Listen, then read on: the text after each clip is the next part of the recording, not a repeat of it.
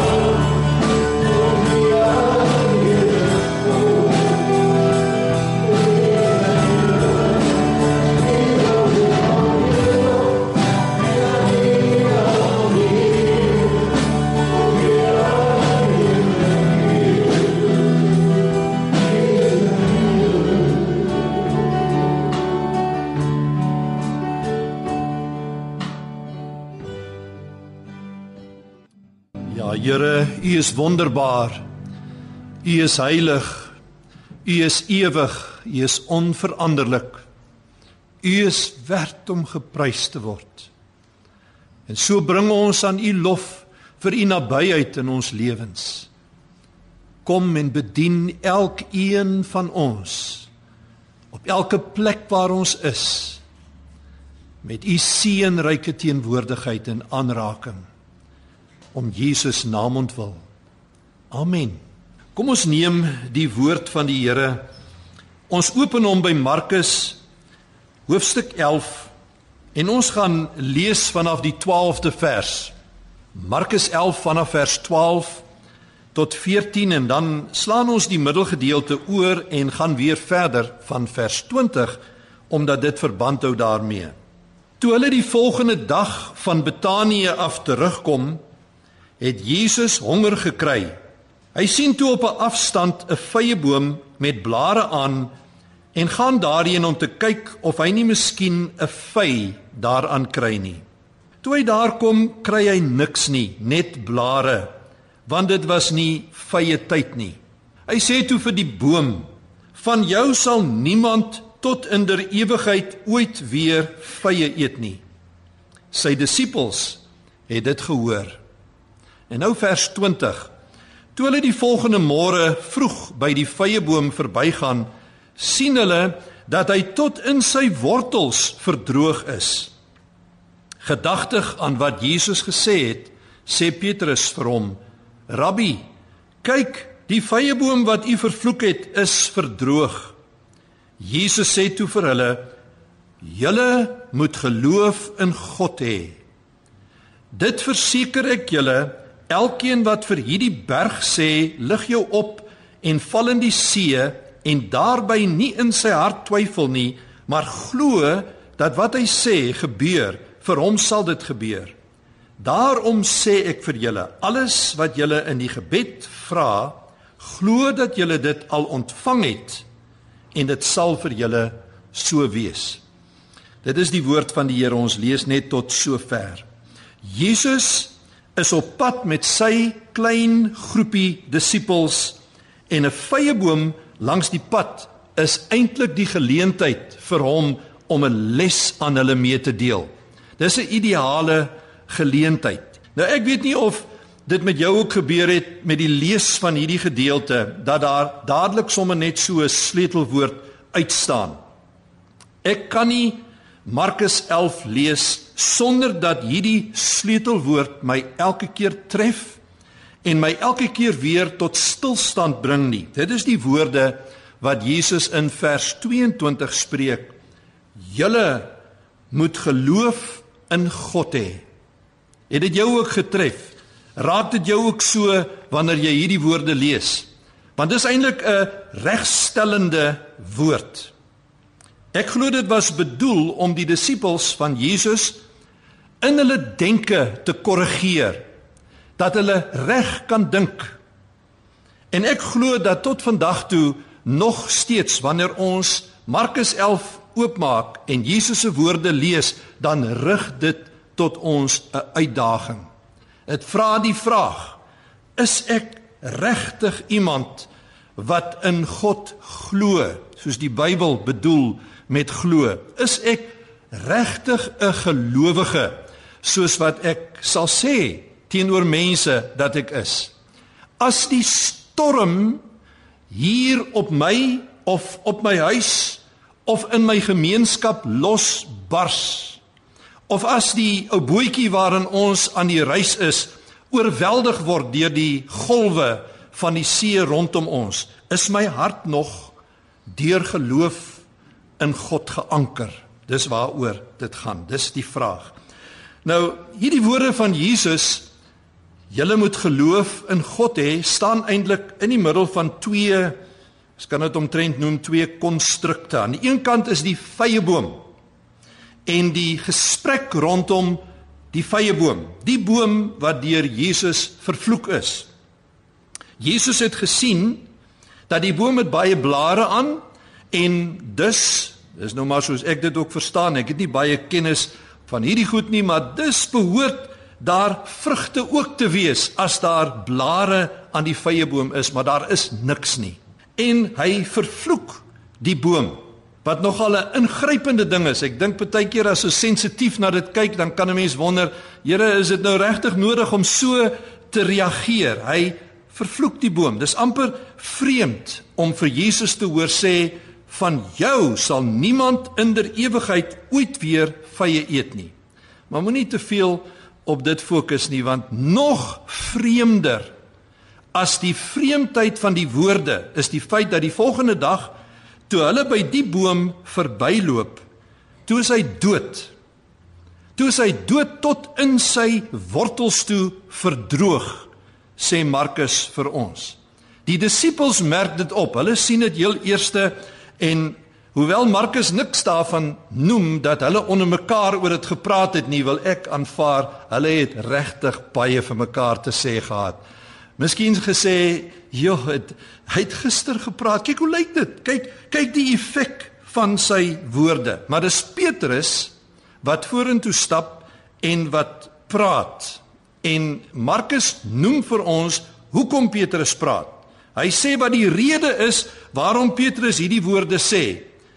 Hy sê eintlik hy het onthou wat Jesus die vorige dag gesê het. Daar staan letterlik gedagtig aan wat Jesus gesê het, spreek Petrus en vestig hy Jesus se aandag op die boom wat verdroog het. So die verbasing van die 12 oor die verdroogde vye boom.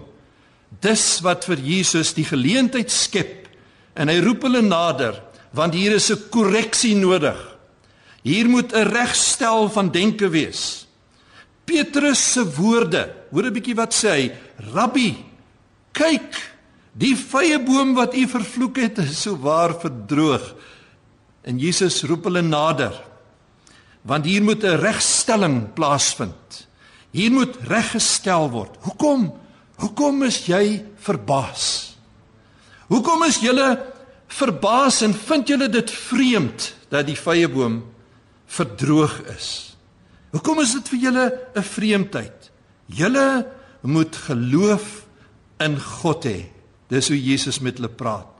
Weet julle, ons mense is baie keer ook so verbaas oor gebedsverhorings.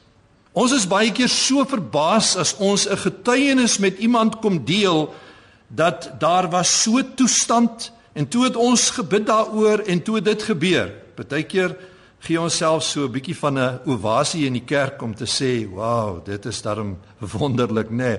En ons is verbaas. En Jesus stop sy disippels. En hy sê vir hulle, "Julle moet geloof in God hê. Julle moet begryp dat as julle met my in gebed praat, dan gebeur daar dinge. Moenie verbaas wees oor dit nie." Jesus praat met hulle oor die belangrikheid, die wesentlike belangrikheid van geloof. Lewende geloof, pulsende geloof, geloof wat God glo. Vir jou lewe is dit belangrik. Vir jou wandel in hierdie vyhandige, deurmekaar moeilike wêreld is dit belangrik. Vir jou bediening is dit belangrik. Vir jou getuienis is dit belangrik. Belangrik om geloof in God te hê. Inderdaad is dit so vir enig iemand wat Jesus wil volg. As jy vanmôre sou luister en jy het 'n begeerte in jou hart om die Here te volg, dan is die sleutelwoord glo. Glo God wanneer hy met jou praat. In enige en in elke tipe omstandigheid, jy moet geloof in God hê. Geloof in wat God sê. Geloof in dit wat God aan jou openbaar. Want dit is dis hoe ons geloofslewe rus op die openbaring van God. God het gespreek. Ek dink aan die die verhaal van 'n pa wat uh, sy seun na Jesus toe bring. En die Bybel sê vir ons dat die bose het hom gegryp en hom neergegooi en by tye het hy homself in die vuur laat val. amper 'n tipe van 'n epilepsie uh, ervaring wat hulle in hierdie familietjie het en hulle kom na Jesus toe en dan vra die pa vir Jesus die woorde as u tog maar iets kan doen. En jy moet gaan lees. Dis asof Jesus met ietwat van 'n verontwaardiging antwoord. As ek iets kan doen, is dit wat jy sê? as ek iets kan doen my liewe vriende God kan enigiets doen God kan alles doen en dis waarom Jesus wanneer hy met hierdie pa praat oor sy seun dan sê Jesus vir hom as jy kan glo alle dinge is moontlik vir die een wat glo alle dinge is moontlik vir die een wat glo Waarom sou Jesus die woorde gebruik? Wat bedoel Jesus? Wil jy nie oor dit gaan dink nie? gaan bid nie. Dink aan 'n ander keer toe Jesus te doen kry met 'n Romeinse hoofman wie se dienskneg siek lê. En dan kom vra hy vir Jesus om hom te kom gesond maak. En dan sê Jesus vir hom: "Laat dit vir jou wees soos jy geglo het." Met ander woorde, Jesus gebruik 'n wiskundige vergelyking as dit ware. Aan die een kant, as jy kan glo, is dit gelyk aan wat ook al gedoen moet word. Daar is geen probleem nie. Dit is vergelykend eenvoudig soos wat God werk wanneer geloof in werking gestel word. As ek soms luister hoe gelowiges in hierdie land praat wanneer hulle bymekaar kom kuier dan wonder 'n mens, het ons nog geloof in ons harte? As ons oor die ekonomie praat en oor werkloosheid, as ons oor misdaad praat of oor die geweldsituasies of as ons ons onoorkomelike probleme bespreek, dan wonder 'n mens of ons nog geloof in God het. Of ons nog daaraan dink dat ons oor hierdie goed met God kan praat, dat ons dit voor hom kan kom lê in gebed. Ek onthou dat toe ek jare gelede die film die Titanic gekyk het en uh, ons ken almal die verhaal, ons het al so stukke daarvan ook gelees. Is daar een karakter in die verhaal en dit word so duidelik oor hom gesê dat jy dit maar feitelik as 'n historiese feit kan aanvaar dat die ingenieur wat aan die bou van die Titanic meegedoen het, het op 'n stadium die stelling gemaak: selfs God sal hierdie skip nie kan sink nie. Dit was sy stelling gewees. En die skip het gesink. Nou vandag hoor ons amper soortgelyke woorde dat mense kyk na die omstandighede, kyk na die probleme, kyk na die berge wat hier rondom is en dan sê hulle selfs God kan ons nie uit hierdie gemors help nie. Selfs God kan nie vir ons uit hierdie probleem uitlig nie.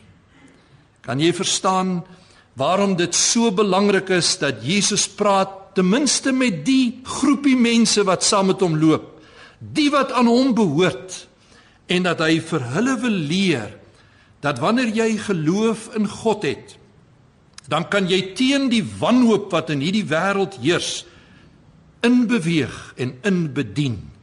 Dit is alleenlik geloof in God wat teen die wanhoop in die wêreld kan inwerk en vir ons 'n vastigheid in ons binneste gee. Sy disippels word deur Jesus aangespoor om in God te glo. Ek onthou die verhaal van die arm weduwee wat Jesus in Lukas 18 vertel en die onregverdige bestuurder wat geen eerbied vir God gehad het nie. En dan vertel Jesus dit. Hy vertel die verhaal met die oog daarop dat hy mense wil aanspoor om te bid en nie moedeloos word nie. Maar dan vra hy aan die einde van die verhaal: Sal God dan nie aan sy uitverkorenes wat dag en nag tot hom roep reg doen nie?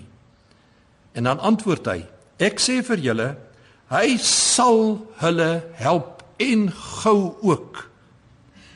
Maar dan vra hy 'n geweldige belangrike vraag net daarna. Hy vra die vraag: Sal die seun van die mens by sy koms nog geloof op die aarde vind? Sal hier nog mense wees as Jesus oor 10 of 30 of 40 jaar sou terugkeer? Sal hier nog mense wees wat in God glo? Sal hier nog mense wees wat 'n lewende geloofsverhouding met God het? Sal ons nog in God glo? Dis die groot vraag. Dis waarom Jesus hulle tot stilstand bring op pad verby die verdroogde vyeboom en vir hulle sê: "Julle moet geloof in God hê." Nou dit bring ons by die ander kant. Ek het gesê aan die een kant van hierdie groot en belangrike woord staan die konstruk, die gedagte wat gaan oor die vrye boom. Aan die ander kant van die konstruk van die woord van Jesus staan die les oor geloof. Hoe werk hierdie geloof? Petrus hulle het gesien hoe die seun van God 'n woord spreek. Hy het 'n woord gespreek daai vorige dag en die vrye boom staan totaal verdroog. Hulle het dit gesien, hulle het dit gehoor, hulle het dit onthou toe hulle daar verbystap. Nou draai Jesus na hulle toe en hy sê: "Julle kan dit ook doen met hierdie berg wat hier staan. Julle kan dit ook doen. Julle is ook in staat om dit te doen." Nou Nou mense, kom ons wees eerlik met mekaar. Dit is so radikaal dat dit amper sektaries is. As ek dit nou vanoggend op my eie sou gesê het dat jy kan ook hierdie berg aanspreek en hy sal verdwyn, dan sou dit nogal taamlik baie reaksie uitgelok het. So kom ons gaan lees dit net soos dit hier staan in Markus 11. Dis die woorde wat Jesus spreek Net nadat hy gesê het, "Julle moet geloof in God hê," sê hy hierdie woorde: "Dit verseker ek julle." Die ou vertaling sê: "Voorwaar ek sê vir julle." Dit kom so vanuit die oorspronklik letterlik oor amen. Partykeer met nog 'n keer amen. Ek sê vir julle. Met ander woorde, wat Jesus letterlik hier doen, hy sweer by homself Gewoonlik wanneer hy 'n baie belangrike woord gaan deel, dan doen hy dit, dan sê hy amen. Amen. Ek sê vir julle, voorwaar, voorwaar ek sê vir julle. En dis die woorde wat hy dan spreek. So ek en jy kan nie die woorde ignoreer nie. Hier staan elkeen wat vir hierdie berg sê, lig jou op en val in die see en nie in sy hart twyfel nie, maar glo dat wat hy sê gebeur vir hom sal dit gebeur. Miskien miskien moet ons sommer dadelik heel eerste vra wie is hierdie elkeen van wie Jesus praat? Is dit sommer elke een, enigeen, sommer daar buite enigeen wat met die berg sou praat? Nee, die Here Jesus praat met sy disippels. Hy is hier besig met die mense wat sy woorde gehoor en dit geglo het. Onthou toe Jesus met sy evangelie woord deur die stede van Jerusalem en Betanië en Bethlehem en die plekke beweeg het, was daar mense wat sy woorde gehoor het en van dit gehou het. Maar nie noodwendig dit geglo het nie. En dan was daar mense wat sy woorde gehoor het en nie daarvan gehou het nie en dit in elk geval nie wou glo nie. Maar nou is daar die mense wat hier agter hom aankom. Dis die wat sy woorde gehoor het en hom geglo het. Dis die elkeen van wie hy praat. En dis nie asof hulle volmaak glo nie, want as hulle volmaak geglo het, sou Jesus dit nie nodig geag het om hulle 'n les in geloof te gee nie. Dit gaan oor mense wat hulle deur geloof aan God verbonde laat maak het. Ek het my oorgegee aan hom. Toe sy woord tot my kom, het dit in my hierdie geloof na vore laat tree waarmee ek myself aan hom oorgegee het. Mense wat hulle self deur geloof op hom gewerp het. Die Here Jesus noem dit so in die gedeelte. Hy sê dis mense wat in hulle harte glo en nie twyfel nie. Dis die mense van wie hy praat. Dis die elkeen van wie hy praat.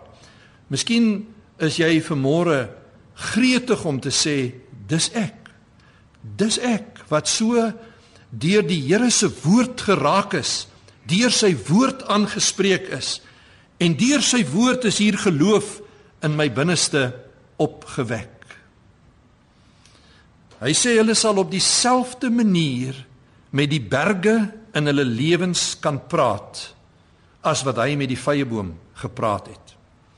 As jy geloof in God het, ons praat van hierdie lewende kragtige van God se woord af ontvangende geloof. As jy geloof in God het, het jy nie nodig dat 'n berg jou plat druk nie.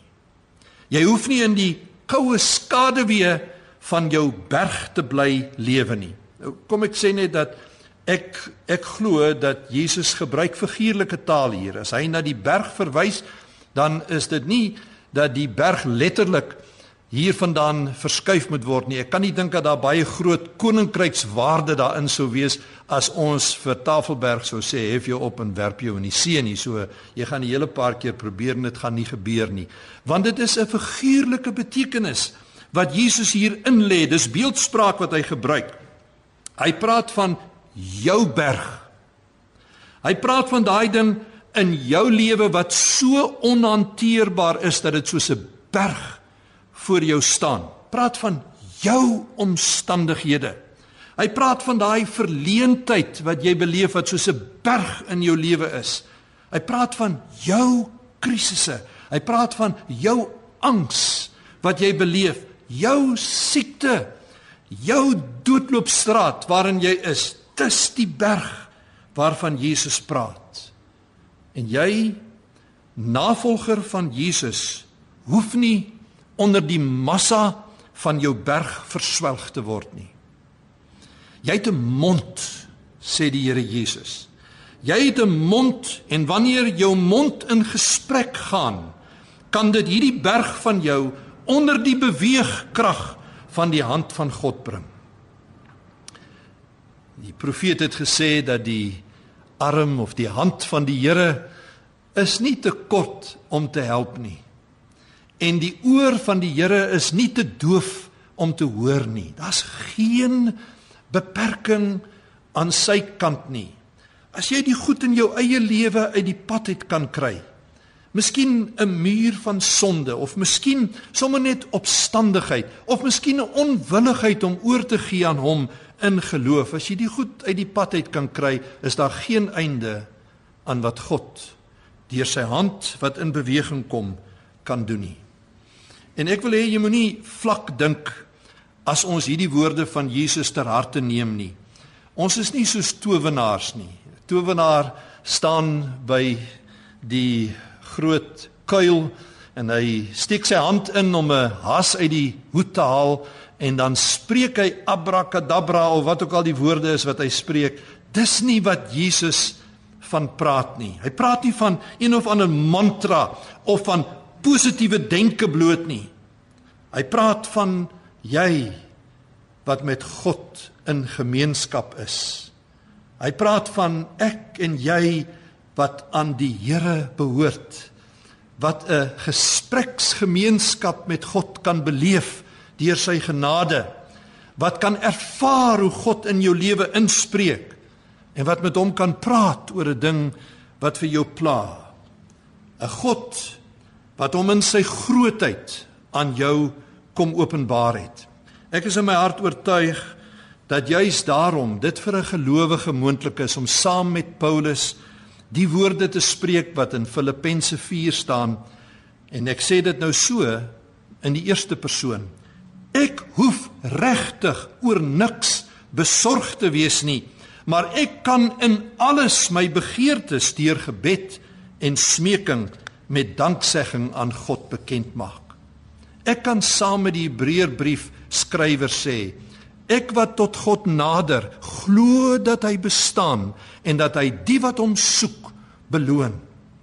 Ek kan saam met Jakobus sê, as daar iemand swaar kry of as daar iemand siek is, laat ons vir hom bid, want die gebed van 'n gelowige het 'n kragtige uitwerking. En dit is wat Jesus hier so diep so diep verduidelik oor hoe geloof werk. Hier in hierdie gedeelte wat ons gelees het. Jesus sê eintlik letterlik jy word gekonfronteer met jou berg en dan vra jy God in gebed teenwoordige tyd. Jy glo dat jy dit ontvang het verlede tyd en jy sal dit verkry toekomende tyd. Dis die eenvoudige les wat Jesus aan hulle oordra in Markus 11 vers 24. Dis Jesus se les aan die disippels daar langs die verdroogde vyeboom. En ek wil vir jou sê, ek glo die les het gewerk. Jesus het nie verniet met hulle gepraat nie. Dit het gewerk in hulle harte. Dit het gewerk in hulle lewens. Daarvan getuig die boek Handelinge Hulle het gaan doen dit wat die Here vir hulle gesê het. Hulle het dit gaan uitleef. Hulle geloof het oorgegaan in vrugbare aksie. Daarvan getuig die apostels se briewe, Paulus en Petrus en Johannes en Jakobus. So my liewe vriende, wat ons in ons dag weer nodig het, is om met die lewendmakende woord van God te make te kry. Die woord moet vir ons weer lewe inhou. Die woord moet weer vir ons lewe kry. Ek is met die geskrewe woord van God besig, maar dit is nie 'n dooie letter in my lewe nie. Hy spreek tot my. Hy word deur die Gees lewend gemaak in my binneste. Ek het 'n skrifwoord wat vir my lewend geword het en wat geloof in my binneste kom opwek. Dis baie meer as om net in jou verstand te sê ek is 'n gelowige. Dis baie meer as om net hier in jou kop te sê maar ek glo ook in God. Jesus praat hier van die geloof wat hoor wat God sê en die geloof wat spreek wat God sê. In die uh, jare van die hervorming is daar gepraat van die getuienis van die Heilige Gees, testimonium spiritus sancti. En dit is so belangrik. Die Gees self getuig saam met my gees dat ek 'n kind van God is. En so moet ons omgang met God weer lei tot getuienis. Dat ek getuienis in my binneste dra, soos die Hebreërbrief skrywer in hoofstuk 11 die helde van die geloof skets en hy sê hulle het getuienis ontvang dat hulle God behaag het. So moet ons weer getuienis ontvang in ons dag. Ons geloof moet ons daartoe bring om God te behaag deurdat dit getuienis in ons binneste spreek. Die Bybel sê sonder geloof is dit onmoontlik om God te behaag. Ek sluit af met 'n ou verhaaltjie wat so diep in my gedagtes ingegraveer is. Ek was 'n jong man in hierdie gemeente in die tye toe die Here so kragtig met herlewing gewerk het, ek self tot geloof in Christus gekom het en ek gesien het hoe dat mense aangeraak en genees is. Ek was 'n jong man, ek het nie veel van 'n begeerte gehad om van genesing te hoor of te leer nie want jy's gesond en jy's fiks, jy kan nie dink aan siek wees nie. Maar ek onthou 'n tannie het vir my gevra of ek haar sal kom haal vir die bidhuur. En ek het haar gebring na die bidhuur toe die aand. Sy het baie swaar geloop want sy het met krukke geloop. Sy het 'n val gehad en die femur in haar dui is gebreek. En die dokters het baie gesukkel. Hulle kon die been net eenvoudig nie aangegroei kry nie. Sy het lank met gips geloop en toe op 'n stadium het hulle amper moed opgegee en sy het maar met die krukke aangesukkel. En die spesifieke weeksaand het sy by die kerk aangekom, ingestap en en gevra hulle moet vir haar bid van die bidders sit agter in die konsistorie daar waar eintlik niemand anders kon sien nie het hulle vir haar gaan hande op lê en vir haar gebid. En ek het my maar besig gehou binne in die kerk, nie baie behoefte om genesings te sien nie. Ek het die ou boekies opgetel en weggepak. En uh die volgende oomblik het die deur van die konsistorie oopgebars. En die tannie het uitgestap gekom met haar krukke omhoog gehou bo haar kop en sy het uitgeroep haleluja Jesus het my genees en dit was so blywend wat 'n wonderlike God is dit wat ons dien dis hy wat na ons toe draai en amper met verbasing in sy gesig sê julle moet geloof in God hê mag die Here vir ons die genade gee dat ons met ons monde sal bely dit wat ons in ons harte belewe het dat ek glo in die Here. Hy is 'n lewende werklikheid in my lewe. Amen. Here, baie baie dankie dat u met ons kom praat vanmôre deur u Heilige Gees. Ek kom bely my karige geloof Ja Here, ek wil eintlik meer doen. Ek wil dit kom neergooi. En ek wil U vra vergewe my. Verlos my van enige vorm van geloof wat nie berus op die lewenskragtigheid van U woord nie. Spreek asseblief 'n woord in my lewe in vanmôre Soos wat U oor die vyeboom gespreek het, maar Here, spreek lewe oor my. Spreek lewe wat so in my binneste vir my sal vrymaak wat elke berg van sonde en ongeloof van my sal aflig wat in my 'n dinamiese werkende geloof in U sal kom skep. Spreek tot my Here dat ek mag lewe van die wortels af op in Jesus se naam. Amen.